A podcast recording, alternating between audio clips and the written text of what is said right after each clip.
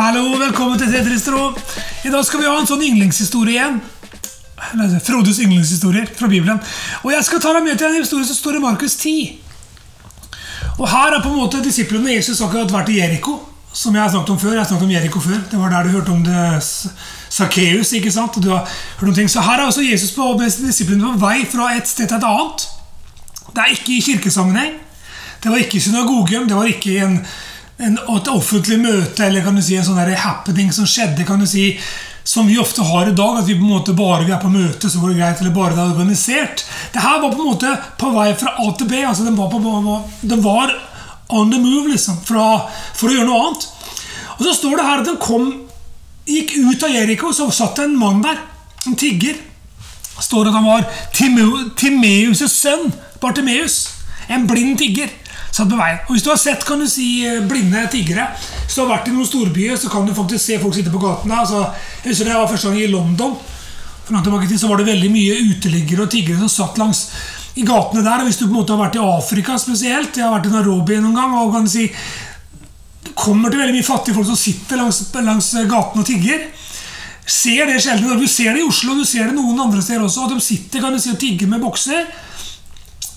Og kan du si livet er på en måte håpløst. altså Bartimeus han var født blind. Og på den tida der så var det det samme som at da måtte du på en måte tigge av andre mennesker. Du var, du var totalt avhengig av andre menneskers almisser. At de ga ting til deg.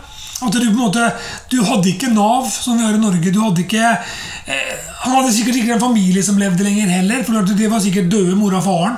For det står ikke hvor gammel han var. Så det var en håpløs situasjon. Og kan du si når på en måte eh, tiggeren Bartlemeus da får høre at Jesus kommer For han har hørt om Jesus, kan du si, for at Jesus var jo en kjendis på den tida der. Han ble på en måte Folk snakket om Jesus. og klart, Jeriko var et sted Jesus gikk gjennom ganske ofte. Så han hadde hørt historiene. Han satt jo, kan du si, på i, med, med, med, liksom der som folkemengden ofte var. For han var en smarting, så han ville, ha, han ville jo ha muligheten til å få noe penger. I hvert fall. Så når han hørte det at Jesus var på vei, så tenkte han dette her er min dag. Og det står det, kan du si, at han begynte å rope. ikke sant? Han begynte å rope 'Jesus'. Og han begynte å rope det ganske høyt ikke sant? Og, og kjente sjøl at nå er det muligheten min. Og så står det at folk som sto i nærheten av bare sa 'Kutt ut! liksom, Ti still!' Han er ikke interessert i deg. ikke sant? Det var sånne ting på en måte, på en måte fort han litt ned. da. Men så står det bare at han ropte enda høyere. Og han ropte 'Davids sønn, beskum deg over meg'. Davids sønn, se meg! Altså Han på en måte han ropte 'Gud', liksom. Kom! Jeg trenger hjelp! Og så står det det at Jesus stoppa. Og jeg tror disiplene alle ble litt overraska. For de, de, de, tenkte ikke at det her var ikke noe for Jesus. i utgangspunktet. Selv om de hadde sett Jesus gjøre mye ting, så var de på en måte opptatt med oppgaven. De var på vei til, fra, til neste sted. liksom. Og dette her gjorde så de, de kjente jo Jesus at hvis de stopper her, så tar det tid.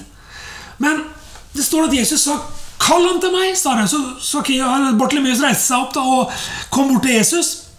Og så spør Jesus det klassiske spørsmålet. Ganske dumt spørsmål, vil jeg si. Han var en blind mann. Alle så at han var blind. Jeg tror ikke han hadde hvit stokk, for det hadde de ikke. Men jeg tror ikke han hadde råd til den. Men han var en, en sluskete kar. Så spør Jesus hva vil du at jeg skal gjøre for deg? Og Det er et ganske, ganske dustete spørsmål å spørre hvis jeg skal, si, skal, jeg snakke mot Jesus her nå. Det burde Jesus skjønt.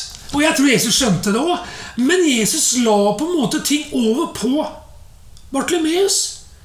For han ville på en måte ha det ropet fra hjertet. da Det derre 'Kjære Gud, rør ved meg' i rene ord. Og det er klart at det fikk hun jo. Han skrev, han skrev så, så sier rett ut at 'Jeg vil at du skal gjøre meg seende'. Eller jeg står, kan du si, jeg skal stå der, skal få en sånn står det uh, Kommer det her Den blinde sa til ham, 'Rabuni, at jeg må få synet igjen'. Jesus sa til ham, 'Gå bort'. Din tro har frelst deg, og straks fikk han synet igjen og fulgte ham på veien.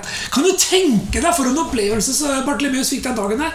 Altså, Han kunne jo bare tilstille han ble, kua av de andre. Han kunne jo bare sagt 'kutt ut', liksom. Jeg setter meg ned. Det, han gikk videre. 'Jeg er ikke viktig nok'. Men vet du hva, han ga seg ikke. ikke sant? Han, han, han fikk på en måte det han spurte Jesus om.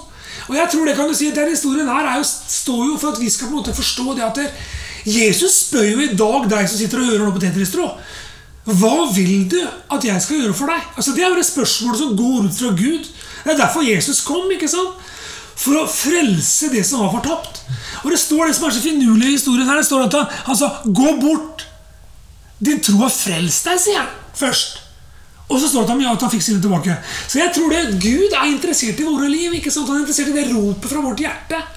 Og hvis du er klar over det, Du kan sitte der hjemme nå i stua di, eller på, du kan sitte på bussen, eller du kan sitte hvor som helst, og du har egentlig et rop til Gud i hjertet ditt. da. Du sitter i en situasjon som virker håpløs. Da kan du tenke på Bartlemeus. Det var en skikkelig håpløs situasjon i Jeriko på den tida der. Det var det samme som på en måte at det var ikke noe håp. Men allikevel, idet han fikk møte Jesus Han trengte seg på Jesus. Så skjedde det et mirakel. Ikke bare at han fikk synet tilbake, men det står at han ble frelst. Det vil si at Bartlemeus møter vi i himmelen en gang, vi som er frelste. Når vi, tar, når vi kommer hjem til Gud. da. Når den evige himmelen kommer, så skal vi møte Bartlemeus. Jeg gleder meg til det, for han var Tenk deg, han, han ble jo med Jesus og fikk lov til å være med. Jeg er sikker på at han gikk med Jesus til Jesus forsvant. Han var en av crowdene, jeg er sikker på. For uh, sånne historier som dette her fascinerer meg veldig. Nå har jeg vært heldig og fått sett mye. Husker jeg var i Romania en gang for mange mange år tilbake. Vi var tre gutter som var på misjonstur. En by som heter Bozao. Og vi var på et møte. Der, møtte, der kom det en blind mann, en gammel blind mann på det møtet. For vi var jo frimodige og forkynte Jesus. Og kan si, hadde jo vært heldige og sett mye allerede. Og vi sa hvis du er syk, så kom fram her. så skal du Jesus er her for å helbrede deg. Så kom den mannen fram. Han var rundt 80 år. Blind. Han var sånn, måtte De lede han fram, og vi la hendene på han, ikke sant? Og Jesu navn. Og, ikke sant? Vi gjorde det som vi på en måte har Bibelen sier vi skal gjøre.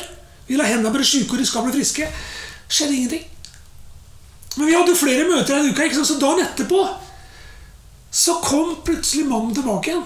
Og ikke bare han, men hele familien. For på veien hjem så hadde han fått synet tilbake. Så klart, så Jeg har jo vært heldig og fått sett sånne Bartlemeus-historier sånn rent det der underet overfor synet tilbake. da, I real life. Og klart at det, det gjør noe med det.